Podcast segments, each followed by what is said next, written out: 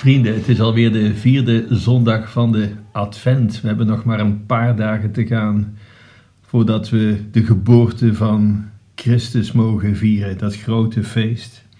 Op de vierde Adventzondag komen we altijd Maria en Jozef tegen. En in dit kerkelijk jaar, het is vooral Maria die centraal staat.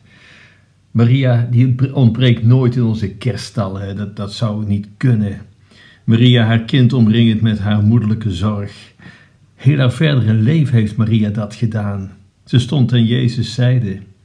De bruiloft van Cana, daar op mooie momenten, tot aan het kruis toe, op de meest verschrikkelijke momenten. Ook al is Jezus de Zoon van God, de aanwezigheid van Maria is altijd van groot belang geweest. En nogmaals, zo vlak voor kerstmis komen we altijd Maria tegen in verwachting van haar kind. En ze beseft het bijzondere van het kind. Ze had de engel Gabriel geloofd toen deze zei: Ge zult een kind ter wereld brengen. Hij zal zoon van de Allerhoogste genoemd worden, Emmanuel, vredevorst. Dat is inderdaad wat we met kerstmis vieren. Niet, niet een of ander sprookjesachtig verhaal, maar de geboorte van de Zoon van God. God die naar ons toekomt. Een gebeurtenis plaats heeft gevonden hier op aarde tussen mensen zoals u en ik. Even een verhaaltje. Lang geleden regeerde er een wijze koning in Perzië. En hij hield van zijn volk en wilde weten hoe ze leefden. Hij wilde het wel en wee van zijn volk kennen. En dus verkleedde hij zich als een eenvoudige burger en ging de arme mensen bezoeken. Een van hen was een heel armoedige man die een een grot leefde. De koning ging naar hem toe, at het schaarse voedsel dat die man ook at en probeerde hem enigszins op te vrolijken. En dat deed hij zo een hele tijd. Later kwam hij nog eens op bezoek en onthulde aan de man wie hij in echt was. En de koning dacht dat de man vervolgens wel om geld of gunsten zou vragen, maar dat deed hij niet. In plaats daarvan zei de arme man: u hebt uw paleis en zaligheden verlaten om mij te komen opzoeken in mijn donkere, armzalige onderkomen. U at wat ik at, u hebt mij wat levensvreugde en liefde gebracht. Anderen heeft u misschien grote cadeaus gegeven, maar aan mij hebt u uzelf gegeven. Ja, met kerstmis vieren we dat Maria geboorte geeft aan de koning die zijn hemels vaderhuis en zaligheden verlaat om met ons ons leven te delen. Het gaat er met kerstmis niet om dat Jezus ons fraaie cadeaus, giften of zegeningen geeft, maar dat hij zichzelf geeft. En dat is het grote verschil tussen die nou ja, affectieve kerstman en het kind in de krippe. De kerstman die rijdt in zijn aardslee door de lucht en geeft cadeaus aan kinderen die braaf zijn geweest. Enfin, u kent het verhaal. Hij geeft zijn cadeaus af en vervolgens verdwijnt hij. Maar Jezus, die laat niet de cadeau achter om vervolgens te verdwijnen. Hij komt om bij ons te wonen, te leven, het leven dat wij leven als mens. Zijn cadeau is zijn aanwezigheid. En net zoals in het verhaaltje van zojuist, geeft de aanwezigheid van de koning veel meer voldoening dan het krijgen van cadeaus van hem. Tegen cadeaus kun je niet praten. Tegen Christus wel, tegen Jezus wel. En dat is ook iets wat Maria heel goed heeft begrepen. Zij was daar in het leven van Jezus waar zij het meest nodig was.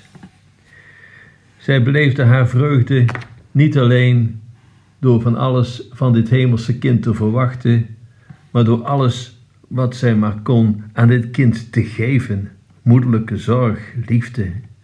Juist dat was haar grootste gave aan dit kind. Willen wij de betekenis van kerstmis begrijpen, dan moeten we verder niet stil blijven staan bij dit prachtige kersttafereel daar in die krippe, daar in Bethlehem, maar verder met dit kind op weg gaan, op zijn levensweg, hem volgen naar Egypte, naar Nazareth, naar al die plaatsen waar hij heen ging, uiteindelijk naar Jeruzalem. En kijk wat er onderweg gebeurt. Bijvoorbeeld als Jezus Zacchaeus ontmoet. Jezus zegt iets vreemds. Vandaag moet ik in jouw huis te gast zijn. En Zacchaeus, nee, die stond niet best bekend.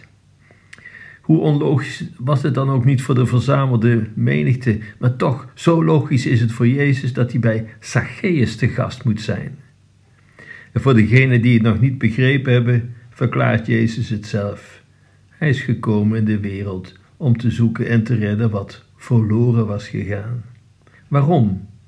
Zij die door iedereen gemeden worden, ook al hebben ze dat volledig aan zichzelf te danken, daar is iemand nodig die hem in de ogen kijkt en zegt: Mag ik bij jou te gast zijn? Wat er daar bij Zacchaeus in het huis uh, gezegd is door Jezus of Zacchaeus, we weten het niet. Maar aan de afloop kunnen we het wel aflezen. We weten dat er in deze biecht een ware ontmoeting heeft plaatsgevonden. Een gebeurtenis die het leven van Zacchaeus radicaal heeft veranderd. Zacchaeus ziet dan ook in dat hij fout was en vindt dat hij de toegebrachte schade moet vergoeden. En dat alles door de ontmoeting met Jezus. Toen vielen pas de schellen van de ogen kennelijk. Anna Terruwe, misschien kent u de naam, jaren geleden schreef deze beroemde psychologe dat die ene zin uit het evangelie, ik moet bij jou te gast zijn, dat dat een grootste zin was en dat vele mensen met grote psychologische complexen ontzettend geholpen zouden zijn en veel van hun complexen allang kwijt zouden zijn als er iemand in hun buurt zou zijn geweest die zoiets gezegd had. Ik kom bij je langs, bij jou thuis. Ik kom je bij je eten. Denk ook aan die andere scène, daar in de tempel, waar we de fariseer horen zeggen: God zij dank dat ik niet zo ben als die tollenaar daar. Die tollenaar die niet deugt. En met die tollenaar, wat zegt hij op zijn beurt iets heel anders? Heer, wees mij zondaar genadig. Als ik u zou vragen met wie zou u het liefst vergelijken, met de fariseer of de tollenaar? U kunt natuurlijk denken dat u gelukkig niet zo hooghartig en protserig en zo zelf ingenomen en elitair bent als die fariseer. Maar eigenlijk zegt u dan, God zij dank dat ik niet zo ben zoals die fariseer. En dan zegt u eigenlijk hetzelfde als wat die fariseer zegt en lijkt u juist heel veel op hem. Met wie willen we ons vergelijken? Als we ons liever niet met de fariseer vergelijken, dan misschien met de tollenaar. Maar die tollenaar zegt, God, wees mij zondaar genadig.